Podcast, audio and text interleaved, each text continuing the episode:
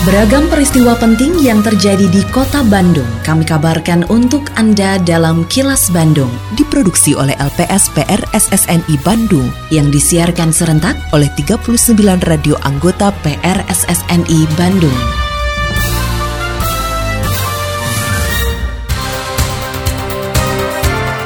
Sejumlah informasi aktual kami hadirkan untuk Anda dan inilah informasi utamanya. PTM 100% di Bandung berjalan lancar belum ditemukan kasus varian Omikron di kota Bandung. Masyarakat diimbau jangan panik terhadap varian Omikron. Saya Ita Ratna, inilah kilas Bandung selengkapnya.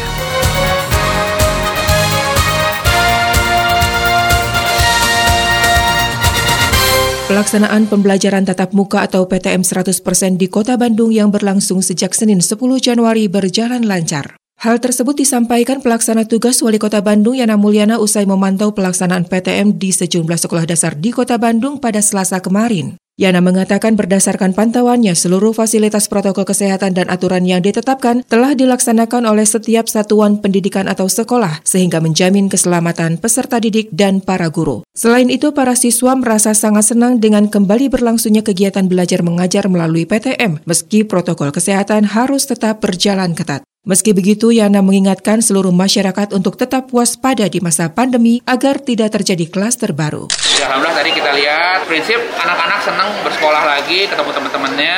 Tadi Alhamdulillah yang saya lihat juga sekolahnya menyiapkan protokol kesehatan dengan baik, shiftnya juga dilakukan dengan baik, kehati-hatian, protokol kesehatan semua Alhamdulillah berjalan baik. Dan tadi juga saya berkesempatan menyampaikan ke anak-anak mengenai karakter virus corona COVID-19. Mudah-mudahan dengan pemahaman itu mereka bisa terhindar semua dari dari paparan COVID-19. Dan kita juga sampaikan bahwa kemungkinan karena proses vaksinasi di Kota Bandung juga sudah alhamdulillah baik, mudah-mudahan pandemi segera berakhir dan menjadi sekedar endemi. Meskipun endemi, tetap kita harus melaksanakan protokol kesehatan. Insya Allah kita bisa melakukan berbagai aktivitas dengan normal, tapi sekali lagi dengan adaptasi kebiasaan baru. Kepala Dinas Pendidikan Kota Bandung Hikmat Ginajar mengakui bahwa pembelajaran jarak jauh atau PJJ tidak optimal dalam memberikan pendidikan kepada para siswa. Menurutnya, kecanggihan teknologi tidak bisa menggantikan peran guru sehingga kehadiran guru pada pembelajaran tatap muka atau PTM semester genap ini akan lebih bermakna. Selain itu, hadirnya guru pada pertemuan tatap muka juga dapat mencegah terjadinya perundungan di sekolah. Hikmat mengatakan di kota Bandung ada sekitar 1.677 sekolah masih melakukan PTM terbatas dan 330 sekolah sudah melakukan PTM dengan kapasitas 100 persen. Nantinya seluruh sekolah akan mendapatkan kesempatan menggelar PTM 100% setelah diperiksa dan dievaluasi kesiapannya oleh tim terpadu. Hampir secara keseluruhan dirata-ratakan bahwa pembelajaran belajar dari rumah itu tidak eh, menghasilkan sesuatu yang optimal karena teknologi secanggih apa pun tidak bisa menggantikan peran guru. Maka sebetulnya di semester genap ini kehadiran guru dengan tatap muka ini akan memberikan jawaban. Pembelajaran akan jauh lebih bermakna. Insya Allah saya kira kalau ini disupport oleh semuanya, termasuk dari Dinas Kesehatan dengan persyaratan vaksinasi bagi PTK yang sudah di atas 80%, kita sudah bisa layak untuk melaksanakan pembelajaran tetap muka.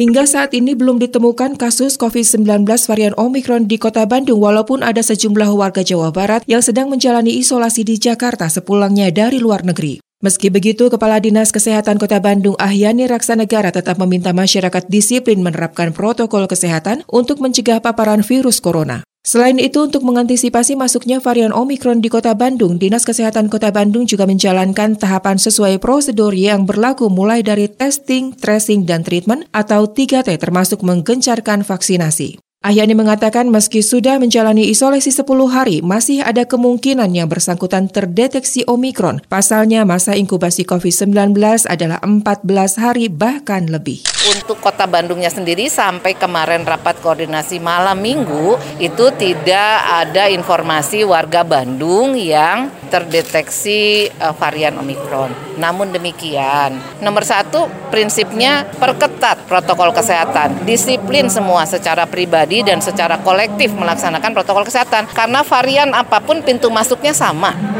dan ditularkannya lewat droplet. Jadi jangan lepas masker, tetap menjaga jarak, kemudian tetap mencuci tangan, batasi e, mobilitas dan juga hindari kerumunan itu. Sedangkan kami melakukan surveillance aktif. Jadi kalau ada pasien yang dengan batuk pilek saja sudah kami harus swab begitu ya. Kemudian kalau ada dari luar negeri kita harus lebih memantau sekeluarganya apakah ada gejala atau tidak. Jadi kita bermain di 3T-nya dan vaksinasi yang terus dikejar.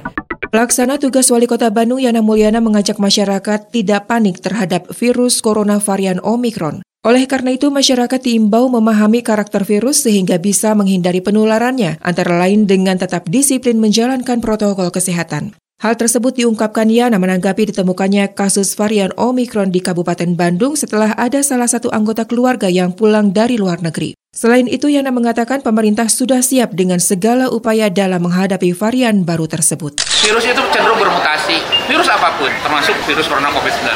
Tapi selama kita mengenali karakternya, untuk menghindarinya, saya pikir kita bisa terhindar gitu ya. Karena alpha, beta, delta, omikron, del omikron juga udah ada lagi. Ya udah selama kita memahami karakter virusnya, kita tahu cara menghindarinya, insya Allah kita semua terhindar. Dan saya lihat semua sekolah punya semangat yang sama, jaga anak anak-anaknya dengan protokol kesehatannya dan kerjasama dengan orang tua juga saya pikir luar biasa. Kini, audio podcast siaran Kilas Bandung dan berbagai informasi menarik lainnya bisa Anda akses di laman kilasbandungnews.com.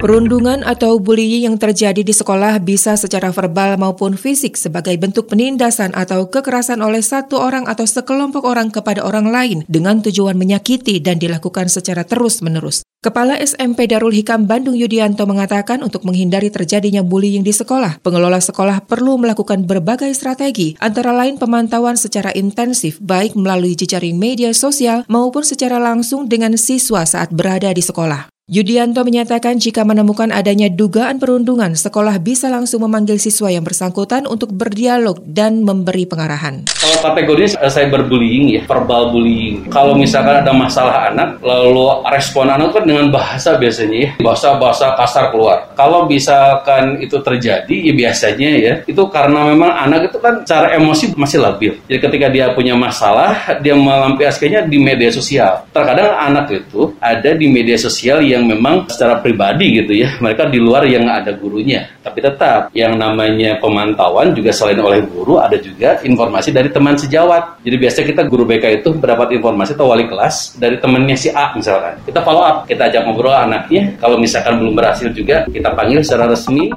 Sebagai upaya meningkatkan kemudahan layanan kelistrikan kepada pelanggan, PT PLN meluncurkan aplikasi PLN Mobile. Menurut manajer komunikasi PT PLN Unit Induk Distribusi Jawa Barat Iwan Ridwan, sejumlah fasilitas terdapat pada aplikasi tersebut, di antaranya pengaduan gangguan, tambah daya, pemasangan listrik, serta pembelian token listrik prabayar. Iwan menyatakan dengan layanan ini pelanggan tidak harus datang ke kantor PLN, tapi cukup membuka aplikasi tersebut untuk kemudian mengisi data identitas. Aplikasi PLN Mobile menyajikan sejumlah fasilitas dalam aplikasi PLN Mobile untuk memudahkan pelanggan mengakses layanan PLN. Lewat aplikasi ini pelanggan mendapatkan informasi dan layanan kelistrikan terkini. Yang disediakan adalah membeli token listrik dan mengecek riwayat pembelian token listrik dari pengaduan gangguan sampai permohonan tambah daya dan juga pemasangan baru sambungan listrik.